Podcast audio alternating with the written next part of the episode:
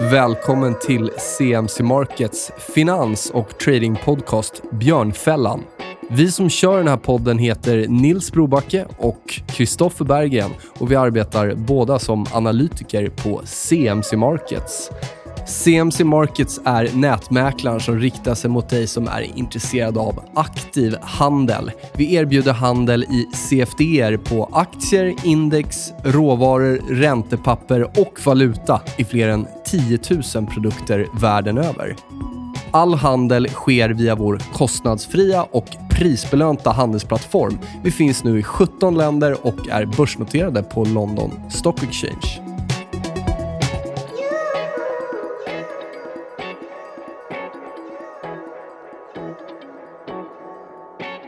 Okej, dags att dra igång. Avsnitt 78 av vår podcast Björnfällan. Jag som pratar nu heter Kristoffer Berggren och jag har med mig min kollega Nils Brobacke. Yes, vi jobbar som analytiker på CMC Markets. Ja, vad ska vi prata om idag då, Nils? Vi kan väl först säga att vilken, eh, vilken bull market vi har ändå, va? Ja. Sista dagarna är tryckare, så vi kommer absolut gå in och prata lite nivåer. Mm. Eh, vad jag och du kanske också tittar på framgent för höstens börsklimat. Jag tycker mycket av det som vi pratade om för två avsnitt sist här när vi, när vi hade egen podd har börjat infria sig. Så Mm. det blir spännande. Vi kommer även att hoppa över på eh, ett ämne du brinner för. Diversifiering. Det lät ju jävligt roligt. Men eh, diversifiering är ju viktigt. Så det kommer vi prata om. Vi kommer Ja. prata lite om eh, sentimentindikatorer och eh, kanske hur man kan använda makrodata i sin handelsstrategi. Mm. Och sen Något blir det annat? lite annat Ja. gott. Smått och gott, häng med. Nu kör vi igång.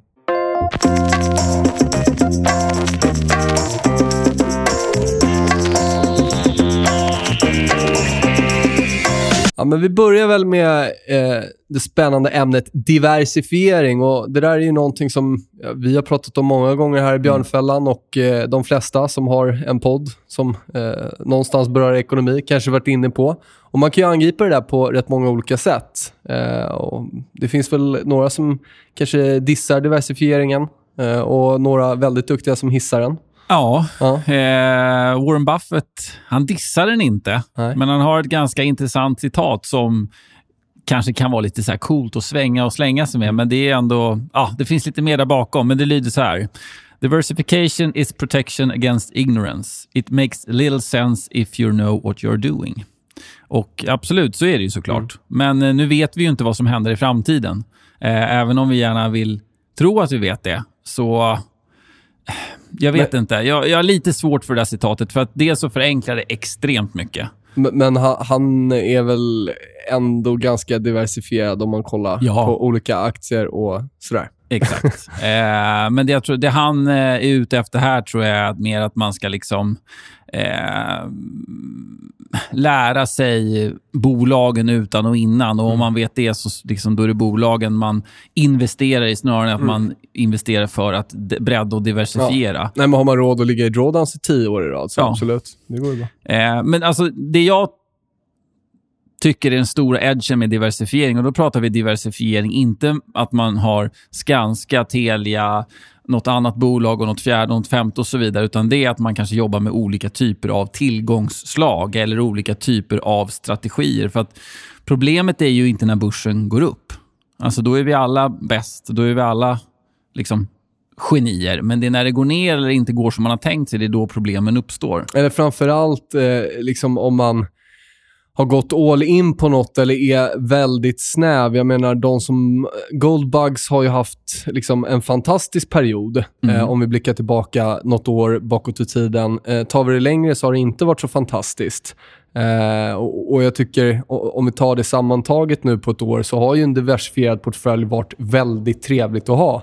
Vi har räntor som har gått, vi har guld som har gått, vi har faktiskt också aktiemarknad till viss del som har gått i, i, i olika tidsperioder här. Eh, eh, och sen kommer vi in på det där också, diversifiering, du nämnde strategier, Mm. trendföljande, mean reversion. Det kan ju också vara så att man diversifierar på tid. Vilka tidshorisonter handlar vi?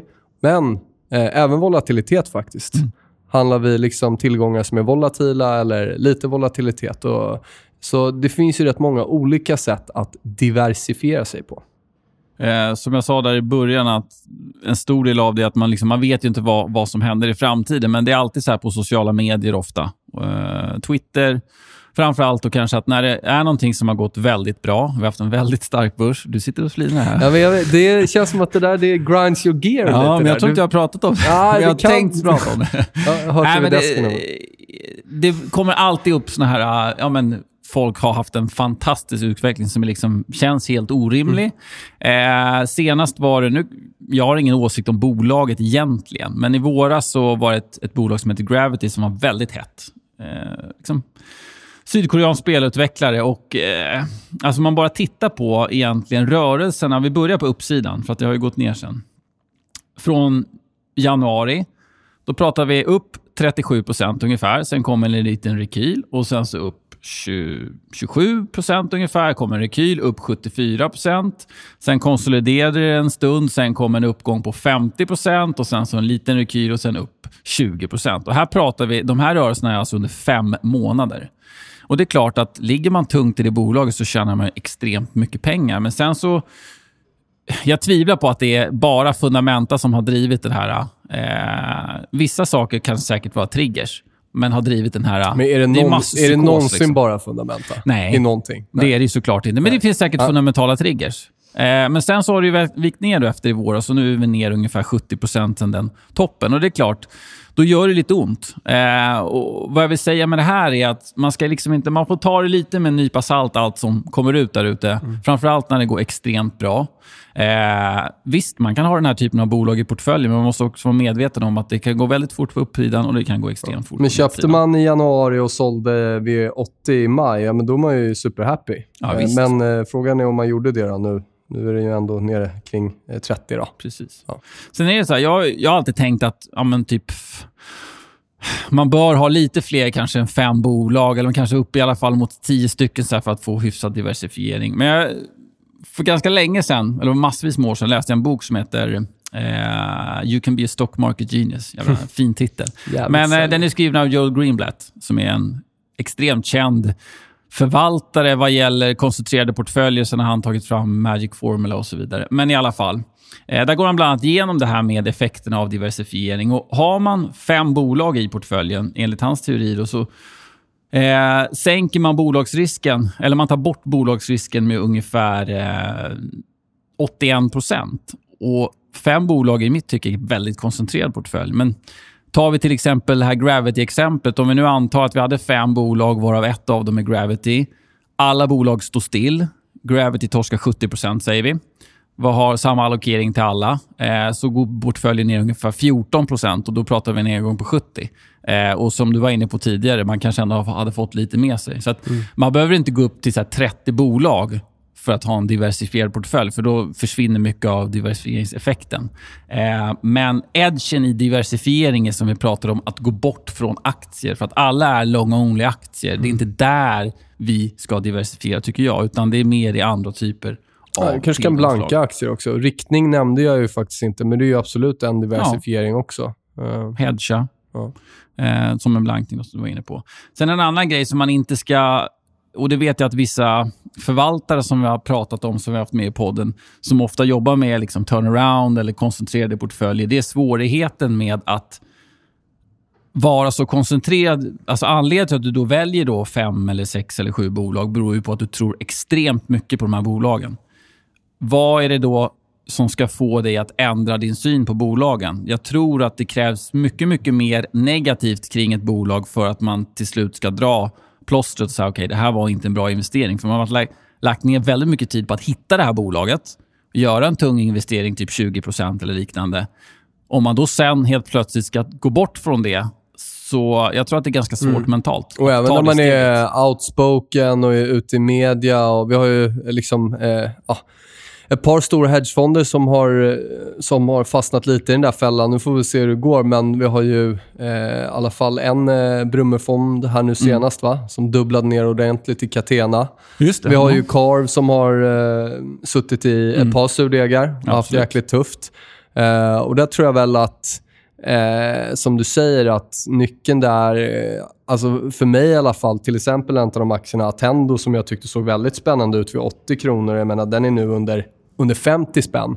Mm. Jag tror du hade med den som ett exempel där. Mm. Eh, att just att eh, med en rent teknisk vy eller en ganska pragmatisk vy om prisnivåer, då blir ju inte någonting billigare utan Nej. snarare att det eh, snarare indikerar liksom motsatta hållet. Då. Och Det tror jag är en svaghet med, med en fundamental vy hela tiden. Att någonting blir billigare, man, man har liksom gått ut rätt brett och hårt och stått upp för eh, den här aktien och den vyn och, och liksom man blir större och större. Och ja, När vänder det? Mm. Det är frågan. Det gäller att vara snabbrörlig. Även säkra bolag som du var inne på, Attendo. Det händer mm. massvis med grejer här i, ja, efter årsskiftet. Mm. Eh, I Finland bland annat. Samma sak, Swedbank mm. dök upp massvis med grejer. Den har liksom kraschat. Alltså, och Det ansågs ju då tidigare, Swedbank, ja, men det var lite sån utdelningsfavorit. Mm. Man ska ha det för ett stabilt bolag. Jo, men sen så åkte den på, vad det nu var, 50% ner eller liknande. Och Det är för mig inte ett stabilt bolag. Alltså, mm. Det här gäller inte bara småbolag, utan det här är ju alla typer av bolag. Det Självklart. kan ju hända liksom, eh, saker som är oväntade. Eh, jag kikade lite på bara det här med att lägga till man har aktiemarknaden som utgångspunkt och sen så lägger man till olika typer av tillgångar. Räntor, det kan vara high yield, det kan vara korta, långa räntor, amerikanska, internationella och så vidare. Guld. Och liksom kolla vad, vad gav det för effekt på totalresultatet. Och nu har jag kollat på den amerikanska marknaden för att det är den som har gått absolut starkast sen egentligen finanskrisbotten. Om man tittar på de stora marknaderna. Den har varit helt, helt galen. Men om vi då går tillbaka till, eh, nu ska vi se, jag tror att det här är sen 95. Eh, när jag kommer ner de här tillgångarna så hade jag datan. Och det är som sagt 100% amerikanska aktier. Men den portföljen som är diversifierad, då är det 10% Europa, 20 % USA, 10% internationella marknader, det är 15 emerging, det är korta, långa räntor, high yield, guld och globala obligationer. Så ganska spritt.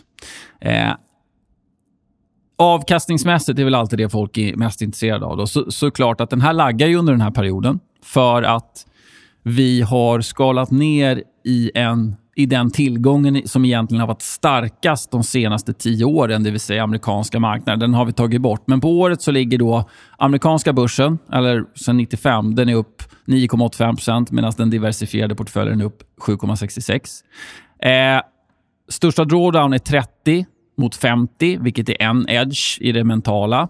Sämsta året 21 mot 37 och mycket lägre volatilitet. Mm. Men om vi tar bort den bästa perioden typ genom tiderna i S&P eller i amerikanska marknaden, det vill säga finanskrisen framåt och bara kollar 95 till 2009, så har den diversifierade portföljen gått bättre, men vi har fortfarande en max drawdown som är 31 mot amerikanska marknaden som är 50.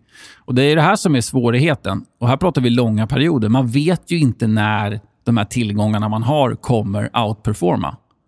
Så att med facit i hand, om vi hade satt, pratat om det här 2009, då hade det varit uppenbart att man skulle haft bara, eller man skulle haft den här diversifieringen. Men står vi här nu 2019, ja men det är klart, då hade det ju historiskt sett varit bättre med S&P. Men hade man pallat de rörelserna på samma sätt som den andra portföljen? Jag vet inte. Inte om man är en buy and hold i alla fall. Har man med ett systematiskt tänk, som du och jag gillar kanske lite mer TA och sådana saker att kombinera med, då har man en annan, ett annat angreppssätt vad gäller risken och kanske kan kontrollera på ett lite, jag vet inte, lättare sätt. Men, en, eh, en trendföljande strategi, även om den liksom inte är automatiserad och handlar hundra tillgångar, så eh, där blir ju liksom Även om det är en diversifiering i, i, i form av olika tillgångsklasser och aktier och råvaror och vad det nu är, mm. eh, så blir det ju ofta ett par få av alla de tillgångarna som står för den stora Precis. avkastningen i slutändan. Då. Och eh, ja, det är Farligt det att missa den ja. då, såklart. Med facit i hand ja. vet man ju var man ska ja. ha legat, men det gör man ju inte innan såklart. Eh, sen en annan grej att kollar man liksom på rullande, nu är det här långa perioder, det är rullande tre och rullande fem år, så har bara den här diversifierade portföljen eh, en treårsperiod med negativ avkastning under hela den här perioden jag tittade på, medan den är eh, nästan åtta negativa år, både på tre och fem år om man kollar på att bara ha amerikanska index. Det är också en grej som man i stridens hetta skulle uppskatta, men efteråt så tittar man bara på den årliga avkastningen.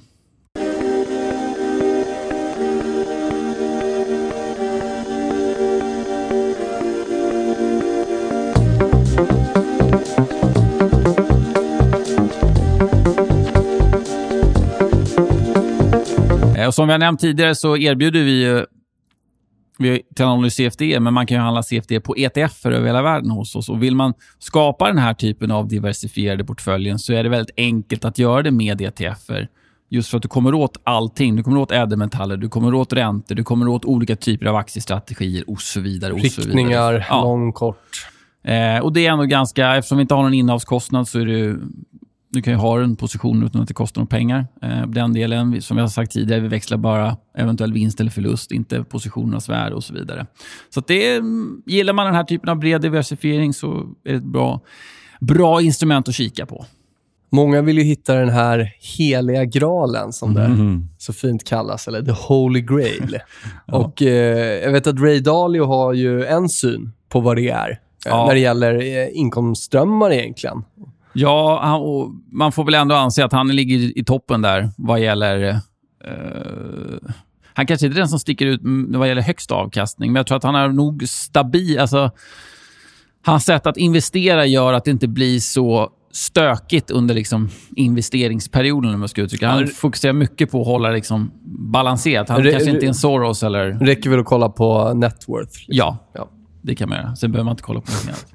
Eh, nej, men han eh, kallar det här för uncorrelated, uncorrelated return streams. Och det han försöker hitta, eller har, så som han har byggt upp eh, liksom Bridgewater-tankesättet kring, kring deras strategi, bygger på att hitta liksom avkastning i olika typer av makroekonomiskt klimat egentligen. Inte bara olika typer av aktiestrategier. Sen kan det ingå olika typer av aktiestrategier i allt det här. Men det primära är att hitta saker som funkar. Okej, okay, om vi har en eh, har vi kraftig inflation, har vi deflation, har vi kraftig tillväxt, är det låg tillväxt, är det negativ tillväxt? Bolla hela tiden med olika typer av scenarion, men ha de tillgångarna som fungerar i de här scenarierna egentligen hela tiden. Sen kanske han i och för sig överviktar lite. Jag tror att om det var, var det förra året, det gick extremt bra för att han är väldigt defensiv. De var upp 15% och allt annat var ner ganska mycket. Så det är klart att de viktade om i sin stora i sin stora flaggskeppsportfölj, då, men, eh, eller eh, fond. Men det är liksom det som är utgångspunkten. Och han jag tror att i boken Principles så har han en, som en bild på liksom, där han försöker visualisera sitt sätt att tänka. Eh, och Han pratar om att han vill ha 15 okorrelerade intäktsströmmar. Eh, vilket jag tror kanske för gemene man kan bli lite knep, knepigt att liksom ta det så långt. Men om han kan hitta dem, och som han har gjort tidigare, så sänker han liksom risken i portföljen extremt mycket och framförallt sannolikheten för att ha negativa år sjunker jättemycket. Den ligger på 11 procent eh, då. Eh, om man kommer ner så långt att man kan hitta den typ, mängden tillgångar som är okollererade. Svårt ord det där. Eh, sen så har jag faktiskt gjort det lite lättare för många också genom att sen då tagit fram en portfölj som man kallas för All Weather Portfolio. Som finns på alla möjliga ställen som man kan läsa om. Men fokus där är egentligen att man har fyra stora delar. Det är ganska lite aktier, det är mycket räntor, det är råvaror, det är guld och så vidare. Eh, och Sen kan man ha en lite mer offensiv variant av den som kallas för eh, the golden butterfly. Fina namn det här. Eh, sen ska man komma ihåg att det här är defensiva, väldigt defensiva strategier. Så tanken med dem är ju inte att pricka in 50% per år och ha en volatilitet på 50% utan här handlar det om kanske 7% men Historiskt så kanske de här ligger runt en drawdown på 10-15 eh, procent. Till exempel Butterfly här hade ju 12 procent ner under finanskrisen. Återigen, det är någonting som inte kanske ser så imponerande ut nu när man tittar så här eh, tillbaks. Men när man är där och portföljen är ner 60% liksom i botten 2009, då är det rätt skönt att ha den ner 12% istället. Jag tror att eh, mentalt så, så är man lite mer stabil. Ja, nej, men aha, om, om vi bortser från att hålla på och prata om eh, 31 december och 1 januari som att det betyder något. Om vi tar ett år bakåt i tiden och inte tittar på year to date, mm. så då är väl eh, ett par procent på ett års sikt. Det har väl slagit börsen i alla fall. Ja, ja, ja så att, precis. Ja. Så att, nej, exakt. Helt rätt. Många fokuserar på liksom första januari till vad vi är. Första januari till vad vi är hela tiden mm. istället för att kolla på rullande avkastning. För det visar lite mer stabiliteten i strategin. Sen ska jag bara nämna en grej. När det gäller i princip allt när man pratar om det här med risk, och det pratar även Ray Dalio om, så pratar man om standardavvikelser. Eh, och Det som är intressant med standardavvikelser är att den tar inte hänsyn till i vilken ordning alltså volatiliteten kommer. Dels så är det volatilitet på uppsidan och nedsidan, men tar, tar inte hänsyn till i vilken ordning den kommer. Eh, och det finns en, nu kommer inte jag ihåg, den, var, den är gammal den här bilden, men det finns en bild som cirkulerar ut lite då och då som visar buy and hold, S&P från 2000 till botten 2009, det vill säga ta med två börskrascher. Den avkastningen, hur den ser ut, eller den kurvan rättare sagt. Ni kommer ihåg, ni som har varit med ett tag vet hur det såg ut 2000 och framförallt 2009. Och sen istället för att bara köra börsen så har man grupperat dem så att man tar dem, den sämsta avkastningen först och sen så blir det bara bättre och bättre och bättre till slut. Och Det ser ut som en hästsko. Den skulle förmodligen ingen palla att ha. Men den har sta samma standardavvikelse som börsen. Sen finns det en annan graf där man har sorter sorterat avkastningen så att den ska röra sig så lite som möjligt, så att det är i princip bara en rak linje. Samma standardavvikelser i alla tre simuleringar. Den ena är börsen, den andra är sorterad säm sämst till bäst och den andra är sorterad för att få så liten rörelse som möjligt. Och Det visar svagheten i standardavvik som riskmått. För att du tar inte hänsyn till dels hur länge du ligger i en drawdown, du tar inte hänsyn till hur stor den är egentligen, utan du tar bara hänsyn till att det har rört sig. och och avkastningen är ju inte linjär, Nej. även fast vi vill det. Och Det är drawdowns som känns, det är inte volley på uppsidan. Nej. När volley på uppsidan, då kommer ju alla de här Twitter-graferna. Liksom. Folk tjänar hur mycket pengar som helst och alla är bäst och så vidare.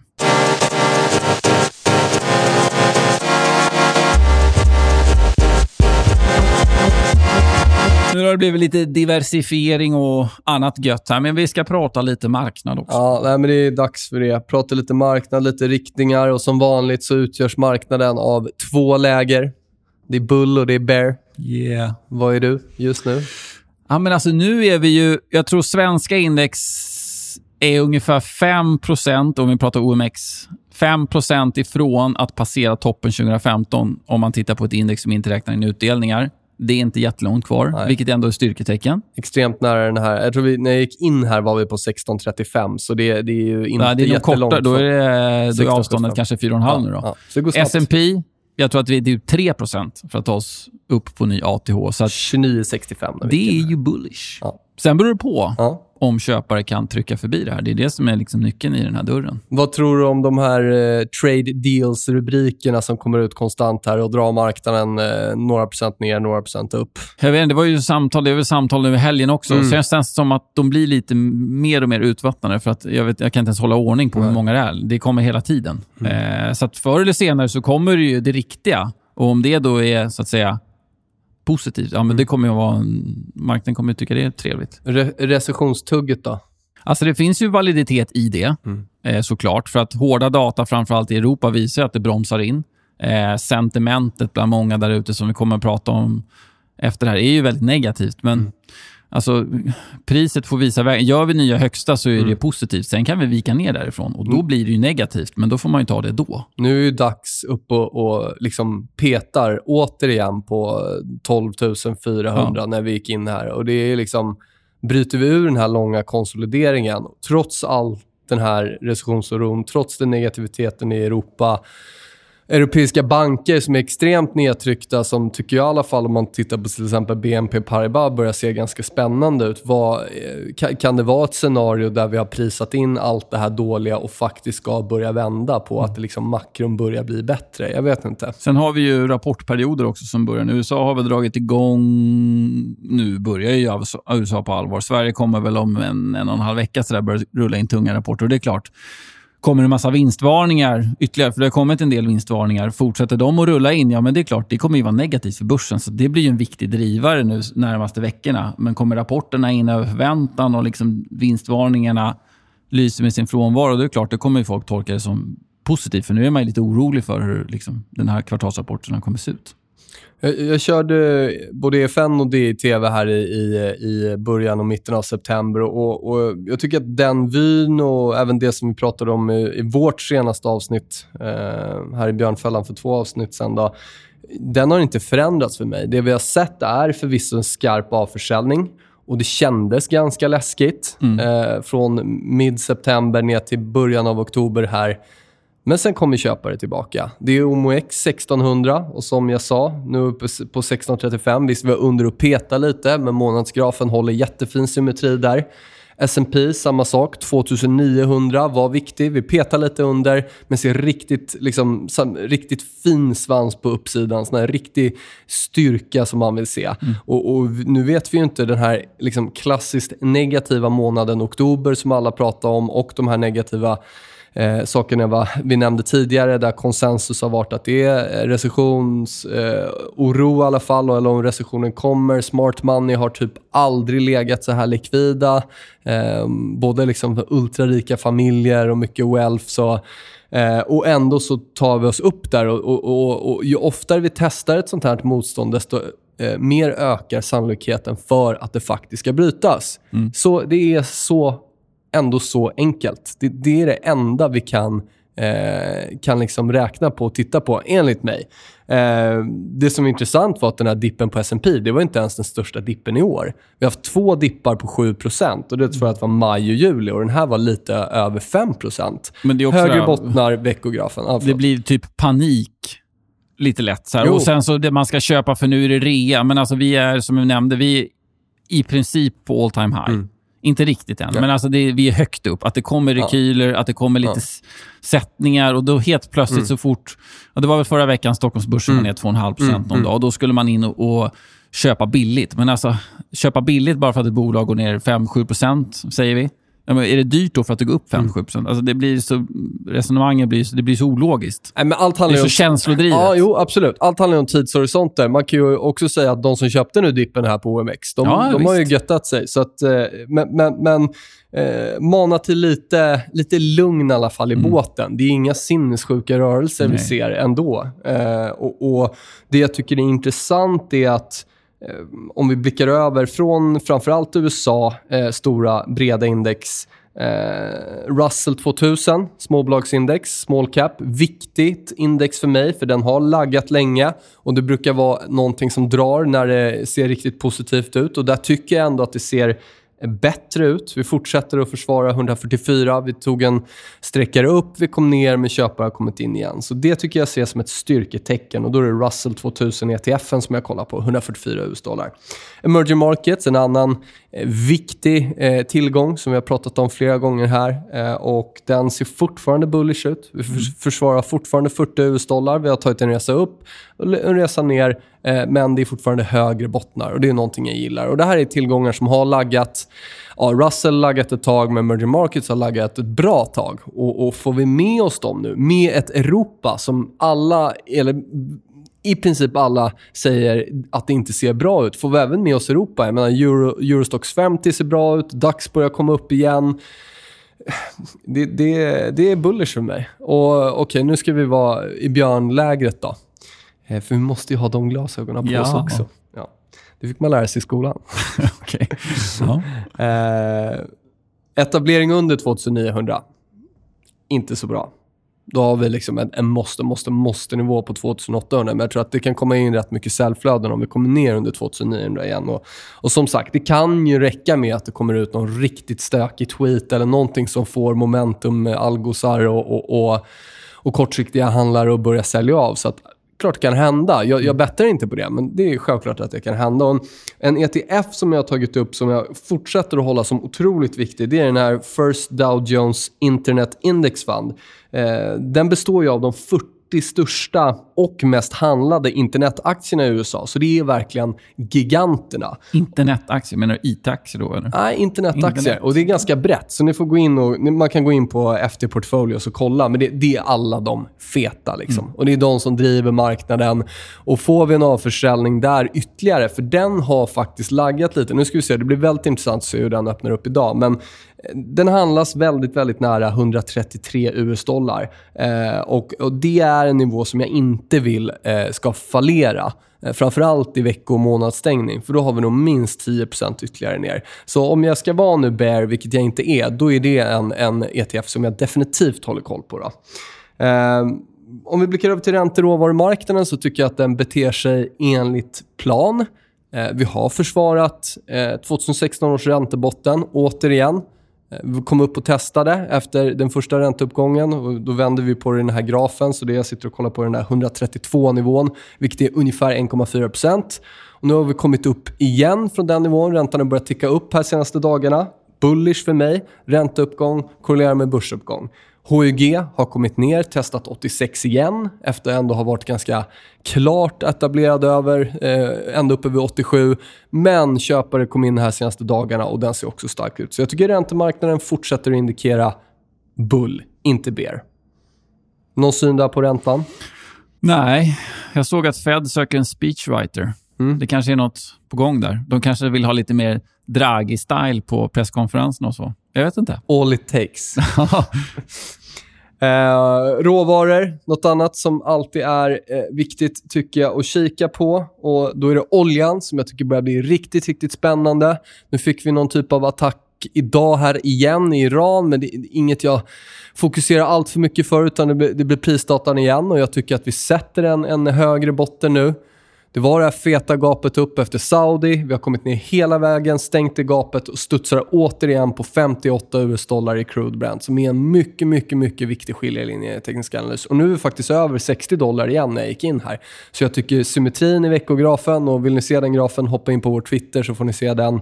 Eh, ser riktigt, riktigt attraktiv ut. Det som jag oroar mig för där, det är att vi har fortfarande 85-90% eh, retailflöde lång. Eh, och Det kanske inte är det jag vill se vid en botten. Men å andra sidan, ja, det gapade ju faktiskt upp 15% här för några veckor sedan och då var det samma sak. Retail var lång 85-90% och då var det snarare smart money som var kort. Så att det där, i oljan kanske inte man ska lägga för mycket större vikt. Men det är ändå någonting som jag kanske skulle vilja se ändras. Koppan börjar se trevlig ut, har petat under 260 US-dollar. Koppan hänger också ihop med emerging markets, för vi kan lägga den bredvid varandra och se att det är väldigt, väldigt likt. Och nu är vi över 260 US-dollar. Tar vi månadsgraf där, jättefin uppåtgående trendkanal om eh, 250-260 området håller. Så det tycker jag också är bullish, både för emerging markets men även för marknaden överlag. Um, och sen så har vi guldet. Guldet, guldet, guldet. Det har ju varit det glimrade ganska länge under året. Ja, ja. Fan, från 1200 upp till 1500. Nu har du konsoliderat här på slutet. Det har varit ett fantastiskt race. Eh, lite besviken på att jag hoppade av för det där för tidigt, 1350-1360. Å andra sidan, silvret kompenserade gott för det. För den kom efter och mm. har gått. Och det jag säger om guld nu tror jag att man kan dra relativt eh, samma paralleller mot silver. Men nu börjar det bli så extremt tiltat. Och Det kändes som det redan med 1360, men nu, nu seglade det upp en sån här riktig contrarian-signal. Och för några år sedan, när Fingerprint var hett, 120 kronor. Jag tror det var vårt första poddavsnitt. Ja, det var det faktiskt. Då, då eh, utan att säga vem eller vad, men då, då var Man det... får alla, lyssna på det avsnittet. Ja, eh, då var det i alla fall någon som sa till mig att nu måste vi köpa Fingerprint Nisse för att den här personen som jag känner, som jag då vill tillägga inte hade någon koll på aktiemarknaden eller Fingerprint har berättat för den här personen att som absolut inte har någon koll att det här ska man köpa för det är garanterad vinst. Och nu har jag fått den signalen i guld. Min Vad är det som har hänt? Min kära sambo kom hem och berättade för mig att vi måste köpa guldtacker, Nisse. För att Carolina... Guldtacker? Guldtacker, ja, ja. Det kan inte vara något pappersguld. Nej, nej, det ska vara bra size. Det ska för, vara en tacka. Exakt. Eh, Carolina Gynning har i sin podd här nu nyligen sagt att man måste köpa guld. För nu smäller banksystemet, Fiat-systemet smäller, centralbankerna smäller. Så om fem år så är det bara guld som räknas. Och Det här hade hon överhört på någon eh, middag. Och Det är ingen bärs på henne och det är ingen bärs på den finansanalytikern som berättade det på henne eller ens på min sambo. Utan det är bara en, en konstaterande att nu har det gått hela vägen i sentimentet. När någon som inte kan någonting om råvarumarknaden eh, berättar för någon annan som absolut inte kan någonting om råvarumarknaden att det här är garanterade pengar, då ska man i alla fall på kort sikt vara extremt försiktig. Så jag tror att vi har en rekyl och det hänger självklart inte bara ihop med det här. Ränteuppgången, om vi nu får det, eh, är en stark indikation på att guldet ska ner, för det är så det har sett ut när guldet har gått upp. Vi har haft räntenedgång. Det tekniska, jag tycker 1500 ser ut att falla. Eh, jag tycker inte det ser ut som att vi, vi ska ta oss vidare där. Så att för mig är det här nog en av de hetaste contrarian-signalerna just nu. Eh, så får vi nu ränteuppgång så får vi Uppgång i olja, uppgång i koppar, uppgång på börsen, ner i guld. Och det är det jag tittar på.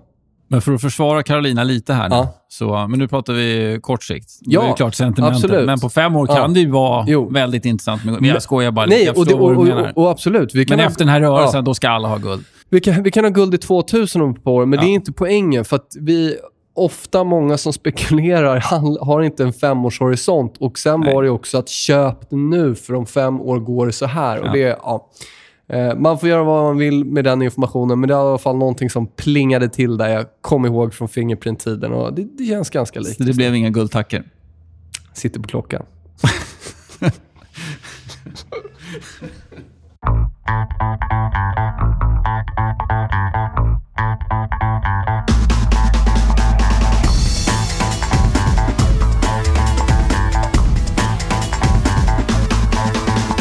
Ja, vi nämnde ju lite det här med sentimentet när vi drog igenom eh, lite olika marknader här. Och Tittar man på ja, sentimentet bland företagarna, de som jobbar i företagen där ute, så är det ju extremt negativt just nu. Eh, det finns ju lite olika... ISM känner ni såklart till. Fokuserar på inköpschefsindex, eller inköpschefernas syn på framtiden. Men det finns också det som fokuserar på eh, vdarnas och finanschefernas. Och även de är ju på Eh, extremnivåer, jag skulle säga rekord eh, negativa nivåer. Så att det är klart, företagen där ute är ju inte speciellt positiva just nu. Sen är det ju sentiment och det kan ju vända snabbt. Men man ska inte heller underskatta, det är ju styrande personer i stora bolag som tycker att framtiden ser väldigt mörk ut. Men då väljer man ju kanske att skruva åt pengakranen lite och inte satsa. Så det är klart att det kan ju bli självuppfyllande. Men å andra sidan så är konsumenterna, eh, framförallt i USA, väldigt positiva Mm av någon anledning. Och konsumenter styr ju också mycket av ekonomin. Hur har det sett ut historiskt sett då?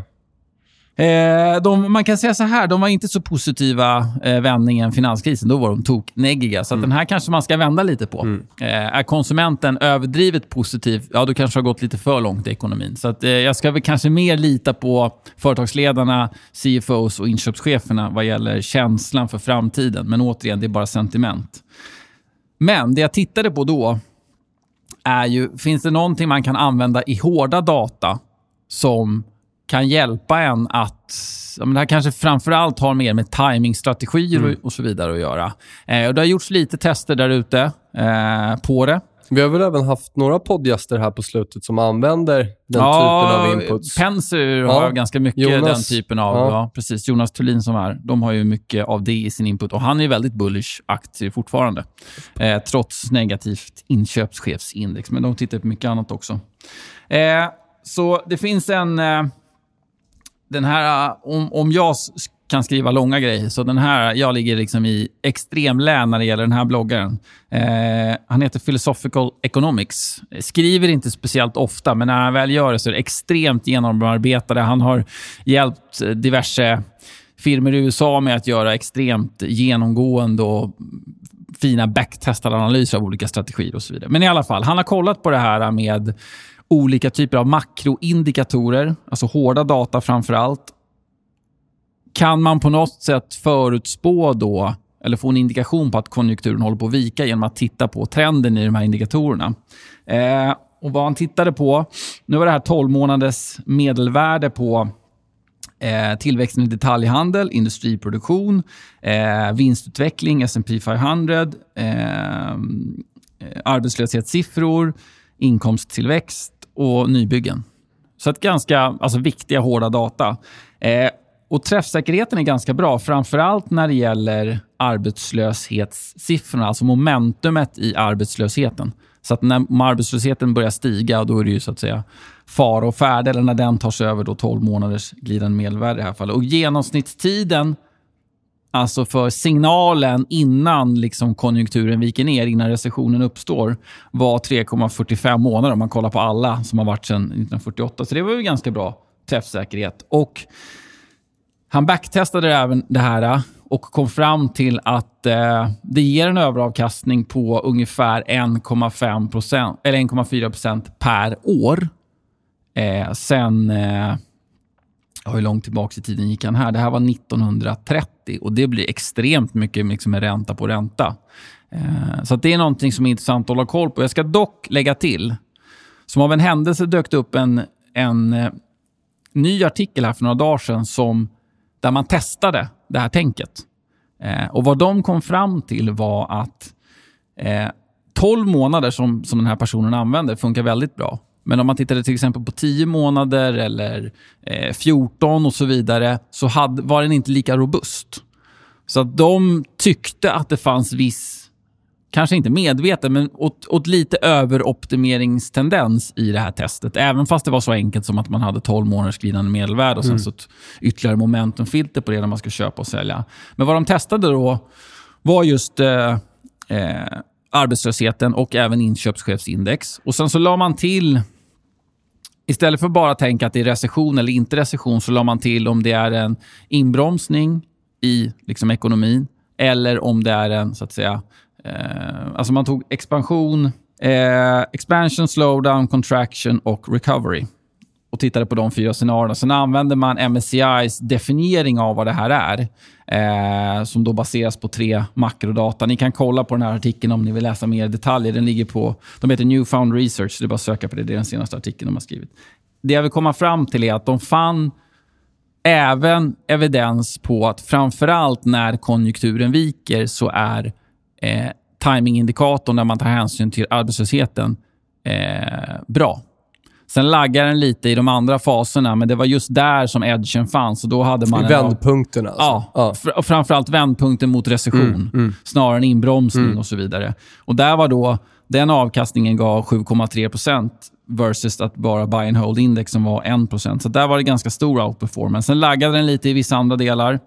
Men återigen, att ha en indikator som baseras på timing för recession.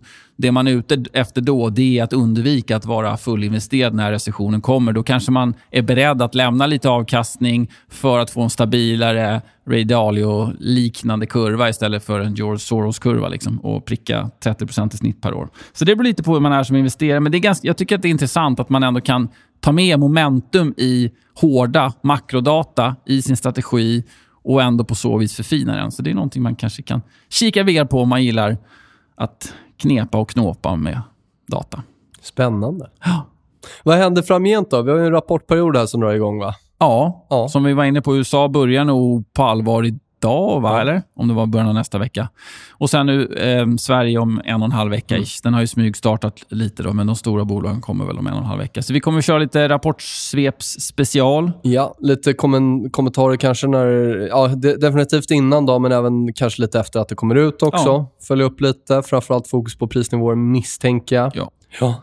Eh, något annat? Eh, hör av er till oss om det är några frågor funderingar. Trade CMC som vanligt. Ja, Följ vi... oss på Twitter. Just det. Vi Lyssna lägger upp de här analyserna på, kommer komma på vår YouTube-kanal, så det är bara att söka på CMC Markets Sverige mm. där. Annars har jag inget mer Nej, men eh, då tycker jag att vi knyter ihop den här gottepåsen och säger trevlig fredag, för vi spelar in det på en Just fredag, det. men vi kanske släpper det på måndag va? Vi släpper på måndag istället ja. för att vi släpper det på fredag. Ja. Men så blir det ibland. Då säger vi så. Jag önskar er lycka till. Hej då! Hej då!